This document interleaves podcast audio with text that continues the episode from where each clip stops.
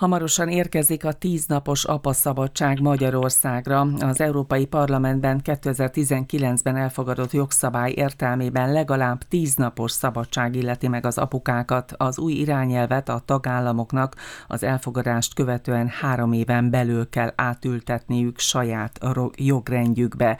Hát ez a kezdő gondolat, illetve a téma választásom erre a fél órára beszélgető partnerem pedig ezzel kapcsolatban dr. Léder László László, az APA Akadémia alapító pszichológusa. Szervusz, jó napot kívánok! Szervusz! Tisztelettel köszöntöm a kedves hallgatókat is.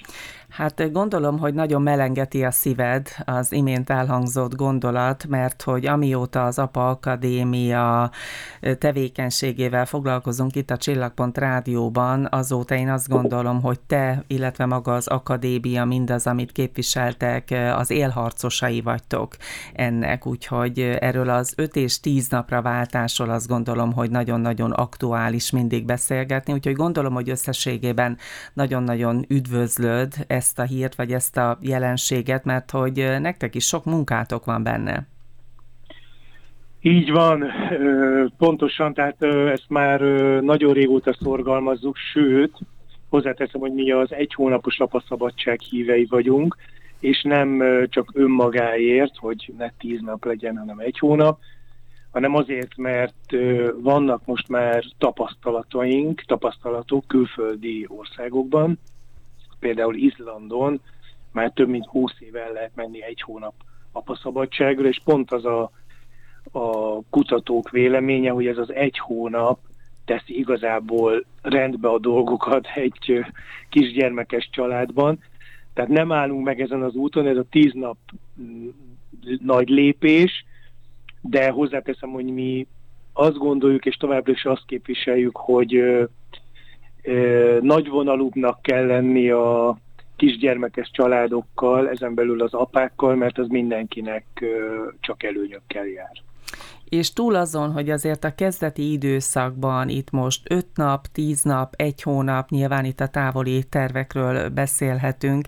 Én azt gondolom, hogy ha az édesanyját nézzük, akkor ez, ha mellette van az édesapa egy bizonyos ideig, akkor ez nagyon-nagyon sokat jelent neki, mint segítség, ugyanakkor pedig hosszú távon az érzelmi kötődés, ami kialakul az apa és a kisgyermek között, ennek azért nagyon hosszú távra mutató jelei vagy következményei vannak. Gondolom, hogy pszichológusként ezt megerősíted mindenképpen. Maximálisan. Tehát, hogy egyrészt tényleg így van, hogy azt szokták mondani, vagy azt szoktuk mi is mondani, hogy az első ezer nap nagyon meghatározó.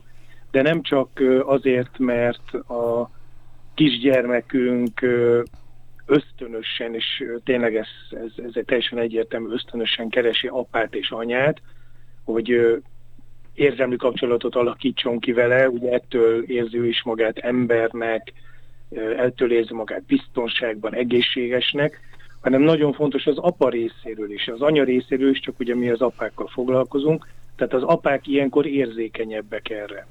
Ennek nagyon sok lélektani, biológiai háttere van, a lényeg az, hogy ilyenkor tud az apa is jól kötődni a gyermekéhez. Tehát igazából olyan, mint egy most induló, friss kapcsolat, egy barátság, szeretet, ami, amit föl kell építeni, és ha ott van apa ezekben az időkben, minél többet, akkor az a, az, a, az egyértelmű konklúzió, hogy később is többet lesz ott. Ugye mindig az a lényeg, én is azt mondom, hogy az apa megszeresse. Tehát, hogy apa érzi, hogy ez nem egy plusz hátizsák, ugye, hogy még a gyermekemmel is foglalkozni kell, még kimondani is szörnyű ezt a mondatot, hanem, és én ezt látom magam körül, hogy apák elkezdenek a pici babájukkal foglalkozni, és hát mondjuk ki őszintén nagyon sokan beleszeretnek ebbe, és ettől kezdve az apát is emeli. Tehát az apa nem azért ér haza hamarabb, mert ez kutya kötelessége, hogy a gyerekével legyen, alig várja, hogy otthon legyen, pont emiatt, ahogy említetted, mert kialakul ez a, mély kapcsolat, a kötődés. Tavasszal mi találkozhatunk Miskolcon, ugye a Jókai Moráltáns iskolában tartottál egy előadást egy kollégáddal egyetemben, és hát nagyon örültem én is, és azt gondolom a résztvevők is, hogy végre eljutottál Miskolcra. Ugye régen beszélgetünk már erről, hogy vajon mikor tudunk személyesen találkozni, és nekem nagyon jó leső érzés volt, hogy nagyon sok édesapa, férfi ült a sorok között. Igen, hát én nekem is mindig ez ugye a, a, a, a legfontosabb, hogy az apákat megmozdítsuk. Természetesen én mindig elmondom, hogy az APA Akadémia nem egy apa klub, tehát mi kimondottan azt szeretjük, hogyha párok jönnek. Nagyon sokszor jönnek nagyszülők is, édes, édesapai, édesanyai nagyszülők, tehát nagypapák, nagymamák. Nagyon jókat mondanak, nagyon sokat tesznek hozzá ezekhez az estekhez, előadásokhoz. Tehát én örülök, ha ott vannak az édesanyák, de biztos, hogy így van, hogy az apák megmozdítása a legnagyobb feladat. Pont amiatt, ugye, amire fölépítettük az egész apakadémiát, mert valahogy az van a levegőben, az a közhangulat, ami azért változik, hogy ez az egész gyermeknevelés, ugye úgy szoktam mondani, családosdi, iskolásdi, az valahol egy női feladat. És ez egy óriási tévedés. Tehát a gyerekek nevelésében, tanításában a férfiaknak pontosan ugyanannyi szerepe van, mint a nőknek, és hogyha ezt a férfiak nem ismerik föl, akkor, akkor nehezen jönk, jövünk ki ebből a, úgy szoktunk mondani, hogy apátlan társadalomból, egy ilyen apahiányos társadalomból. Tehát én is annak örülök, mikor ott vannak a, az apák, és hát láthattad, hogy aktívak, kérdeznek, érdeklődnek, még utána odajönnek, konkrét kérdéseik vannak. Na én ilyenkor érzem azt, hogy, hogy van ennek értelme. Azért jutott eszembe a Miskolci előadásod, mert ha jól emlékszem, akkor elmondtál egy olyan példát a hallgatóságnak. Nyilván ez egy megtörtént személyes eset, hogy volt dolgod egy olyan édesapával, akár az akadémia keretein belül, akinek nagyon jó állása volt, nagyon jó fizetése, tehát egzisztenciálisan, maximálisan rendben volt, de valahogy érezte, hogy mégsem, mégsem komfortos az ő élete, és egyik napra a másikra talán úgy döntött, hogy lemond mindezekről részben talán, és, és szeretne sokkal több időt tölteni a családjával, a gyermekével. Vannak azért ilyen példák? Több is? Maximálisan, tehát nagyon sok ilyen van. Ugye nem nagyon tudunk róla, mert megint csak egy picit ez a buta macsó kultúra, hogy a férfiak nem nagyon dicsekszenek ezzel, sőt sokszor szégyellik, ugye mert a társadalomunk úgy van fölépítve, hogy egy kisgyerekes apa akkor sikeres, hogyha ha látjuk, hogy megteremt az egzisztenciát, fut a szekér, ugye új autó lesz, új ház épül, mindenki egy kicsit ideges, feszült, de hát ez a fejlődés velejárója, most természetesen sokféle család van, tehát most csak egy picit karikíroztam, de sajnos jellemző, hogy a kisgyerekes családok túlvállalják magukat, és ezek az édesapák, akik valamiért azt mondják, hogy ők nem, megszólal bennük az apa szívük, a, a, az apa lélek, hogy hát ezek az idők bizony el fognak múlni, az a gyerek pont két hétig lesz két hetes, és pont egy évig lesz nulla és egy éves, utána már soha többet. Ezek az édesapák képesek váltani, csak nem verik ugye ezt, nem, nem dicsekednek ezzel, és én egyre több ilyen példát hallok. Tehát egy picit körbe kérdezek, épp a napokban találkoztam egy ilyen párral, ahol pont hasonlókokból döntöttek úgy, hogy Svájcból hazaköltöznek, egyébként nagyon jó állásuk volt, mert az alakult ki, hogy anyának nem nagyon volt munka lehetőség, és apa éjjel-nappal dolgozott. És azt mondta az apa, ő nem szeretné, hogyha a gyerekei őt nem ismernék meg péntek este, ugye mert egész nappal csak a pénzt kellett hajtania, és inkább hazaköltöztek Magyarországra, szerényebb körülmények közé, tehát mondom se kell, hogy sokkal jobban éltek Svájcban, meg is szenvedték egyébként ezt a hazaköltözést, de mégis bevállalták. Még egy momentum erejéig visszatérnék a Miskolci előadásodra, mert hogy egy olyan édesapával érkeztél, aki szintén az APA Akadémia tagja, alapítója, és aki évekkel ezelőtt talán egy olyan extrém élethelyzetbe került, hogy három pici gyermekkel maradt hónapokig egyedül, és hát nyilván látható jelei voltak ennek a nehézségnek az ő életében, tehát a sors úgy hozta, hogy itt találkoztatok, és hát gondolom, hogy személyesen is nagyon sokat tudtál neki segíteni, és talán annak van ezért nagy jelentősége, hogy őt elhoztad Miskolcra, mert hogy valaki tudott beszélni arról érintettsége okán, hogy mit adott neki az akadémia. Igen, én nagy szeretettel jött velem Gergő nevű édesapa, pontosan, hogy mondott, hogy próbára tette őket a sors, feleségét baleset érte, szerencsére mm, pozitív vége lett ennek a történetnek, tehát feleség felgyógyult, de nagyon sokáig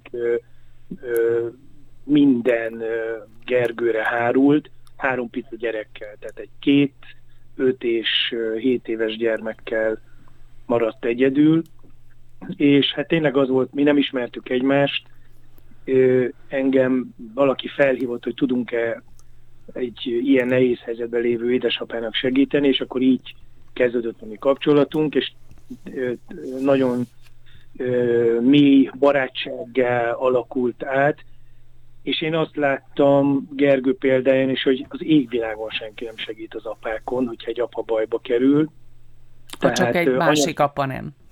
Ha csak egy másik apa nem. Tehát nincs is berendezkedve erre az országunk, hogy így fogalmazok, tehát hogy anyaszervezetek vannak, hozzáteszem, abból sincs elég, tehát az anyáknak is sokkal több segítségre lenne szüksége, de segítő apaszervezet egész egyszerűen nem létezett. Nekünk sem ez volt a fő profilunk, de úgy összekaptuk magunkat, és például egy nagy gyűjtést szerveztünk, amiből egész egyszerűen túl tudott élni ez a család egy évig, amíg újra ö, dolgozni tudtak, mert hát ugye Gergő is egyrészt három gyereket kellett istepolnia, fizetni a, az egészségügyi költségeket, rezsit, stb., plusz még a feleségét is ápolni, tehát ő maga is segítségre szorult, és ez egy nagyon-nagyon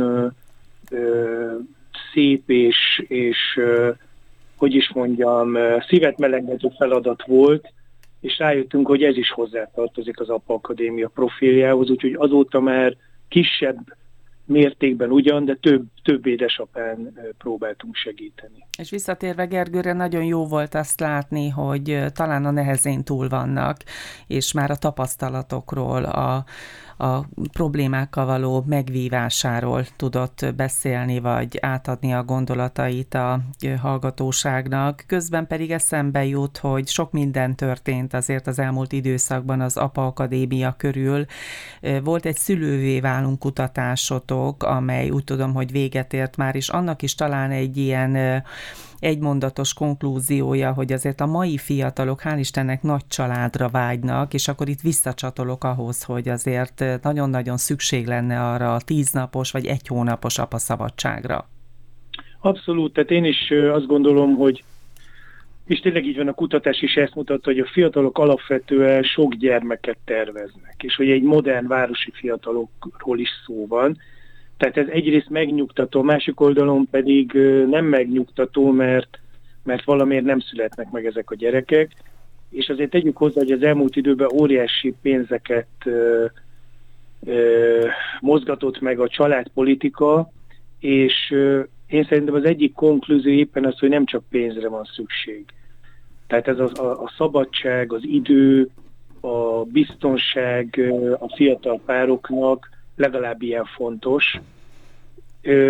Sőt, ugye én ezt is el szoktam mondani, hogy szerintem nem a kisgyerek megszületésekor kellene új lakást venni, meg új házat építeni, az egy nagyszerű dolog, ugye ezt biztosítjuk a családoknak, de ez egy kicsit később jobb lenne, mert én azt látom, hogy a családok nem igazán tudnak együtt lenni, nem, nem tudnak a, a gyerekre koncentrálni, és egy új család kialakítására, mert Hát mondom se kell, biztos a kedves hallgatók közül is azért sokan építkeztek, hogy ez mivel jár.